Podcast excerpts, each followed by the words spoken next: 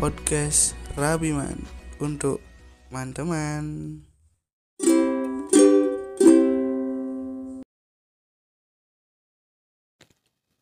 Hai teman-teman, apa kabar semuanya? Rabi di sini siap berbagi cerita. Tentunya masih di podcast kesayangan kamu semua. Cerita Rabiman. Tentu saja masih seperti biasanya. Rabi bakal nemenin waktu luang teman-teman dengan sedikit cerita saya terkait memaksimalkan smartphone sebagai alat videografi.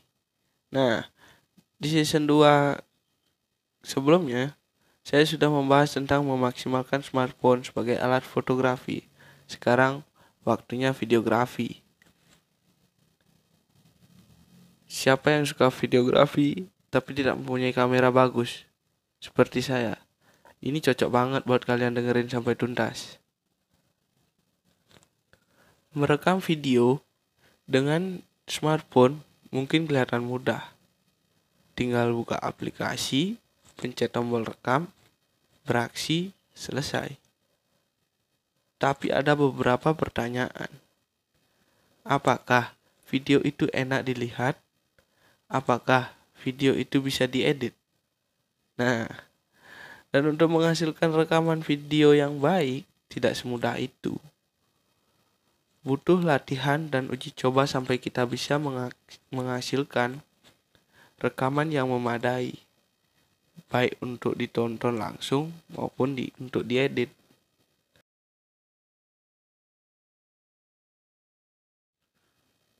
Mengingat smartphone yang semakin hari memiliki kualitas kamera yang semakin bagus nah untuk itu teman-teman harus memperhatikan teknik dasar pengambilan video agar hasilnya hasil gambarnya bagus.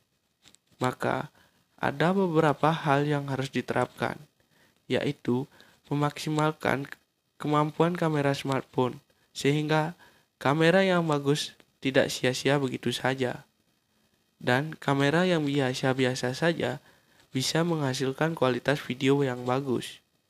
Dan ternyata banyak konten kreator konten kreator yang masih menggunakan smartphone sebagai alat mereka untuk rekaman. Karena memang hasilnya tidak jauh beda dengan kamera DSLR atau mirrorless jika menggunakan smartphone zaman sekarang yang sudah semakin canggih. Yang resolusinya mungkin ada udah 64 megapiksel. Itu udah lumayan banget. Nah, untuk kali ini ada sedikit tips nih buat teman-teman yang mau coba menjadi videographer menggunakan smartphone. Yang pertama, atur resolusi. Sebelum merekam, pastikan, pastikan settingan resolusi video kalian tinggi. Beberapa kamera smartphone saat ini sudah sanggup merekam video dalam resolusi Full HD atau bahkan 4K. Itu luar biasa sekarang teman-teman. Menggunakan kemampuan dari kamera dengan resolusi yang tinggi bisa menghasilkan video yang lebih jelas, tajam, dan jernih. Jadi, pastikan kalian sudah mengaturnya sebelum merekam. Ini penting banget. Yang kedua, gunakan tripod. Untuk hasil yang maksimal, usahakan merekam video dengan stabil pakai tripod. Tujuannya agar hasil video yang direkam tidak blur dan tidak menghasilkan guncangan. Emang mau video kalian ada guncangannya gitu. Jelek banget teman-teman. Hal ini bertujuan agar mempermudah menangkap objek yang bergerak. Karena bila hanya mengandalkan handphone atau smartphone dengan kekuatan tangan saja, tentu sangat sulit. Jadi penggunaan tripod akan membantu teman-teman menghasilkan video yang lebih stabil, sehingga hasilnya tetap jelas walaupun nanti, nantinya objek tersebut bergerak. Yang ketiga, gunakan fitur smartphone. Sebenarnya, tidak semua smartphone memiliki fitur khusus untuk merekam video, seperti gyroscope atau super steady. Namun bila smartphone kalian sudah memilikinya, itu sangat membantu dalam mengambil gambar yang bergerak cepat mengkombinasikan fitur super steady dan gyroscope dengan tripod. bisa menghasilkan video yang lebih stabil dan jelas. Karena selain dapat mengambil objek yang bergerak cepat, beberapa fitur tersebut mampu mengurangi guncangan pada handphone ketika merekam gambar. Nomor 4. Cahaya sangat penting. Lagi-lagi cahaya. Kalau menggunakan smartphone, cahaya itu memang sangat penting. Tips sederhana lainnya untuk membuat kualitas video lebih baik yaitu pencahayaan. Karena sebagus apa pun kamera smartphone yang kalian miliki, bila tidak ada cahaya di tempat kalian merekam video, maka hasilnya pun tidak jelas. Gelap. Jadi, hal penting lainnya yang perlu diperhatikan yakni pastikan kalian memiliki pencahayaan yang cukup. Tidak perlu terlalu terang, sesuaikan saja dengan kebutuhan video kalian. Nah, yang kelima, ini ini penting juga. Audio harus jelas. Memang banyak handphone yang memiliki audio bawaan yang bagus. Namun, untuk memberikan hasil yang maksimal, ada baiknya menggunakan mikrofon tambahan. Sekarang udah banyak tuh mikrofon tambahan yang murah-murah. Itu bisa membantu juga. Hal ini mengingat banyak suara lainnya di sekitar kita yang nantinya ikut kerekam. Sehingga penggunaan mikrofon pada smartphone sangat penting. Mikrofon bisa menangkap suara dengan baik dan menghasilkan output suara yang lebih jernih. Jadi kalian tidak perlu bersusah payah menghilangkan noise audio ketika melakukan proses editing. Lagi-lagi yang keenam ini jangan gunakan zoom in. Di mana smartphone memiliki fitur untuk memperbesar cara hasil video. Namun sebaiknya hindari penggunaan zoom in karena hasil video tidak bisa dipastikan akan berkurang dari segi kualitas. Dan video yang dihasilkan juga akan rentan dengan guncangan dan blur. Yang ketujuh, baterai yang awet. Sebelum melakukan proses rekaman, pastikan baterai smartphone kalian terisi penuh. Jangan sampai ketika sedang mengambil gambar, handphone yang digunakan mati mendadak Waduh, kacau ini. Bila baterai terisi penuh, maka teman-teman bisa mengambil stok footage dengan yang lebih banyak.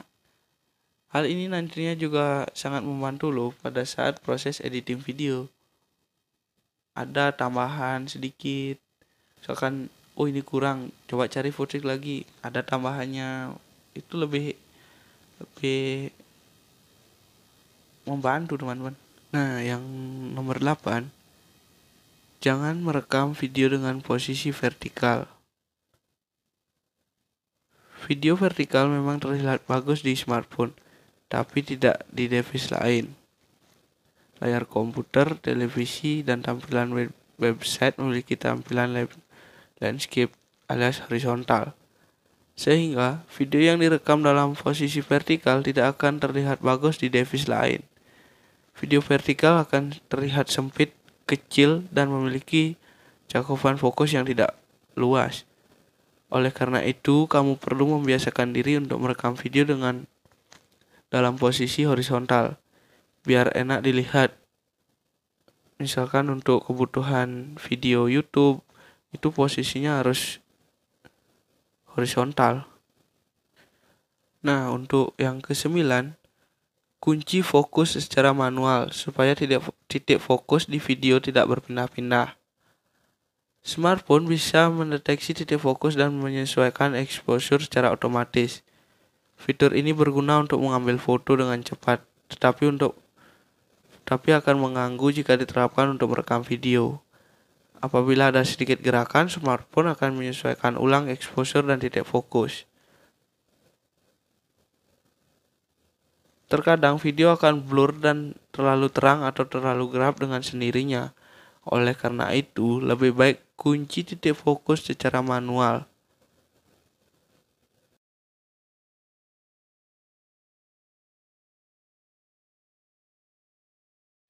Nah, itu beberapa tips yang bisa teman-teman simak dan pelajari.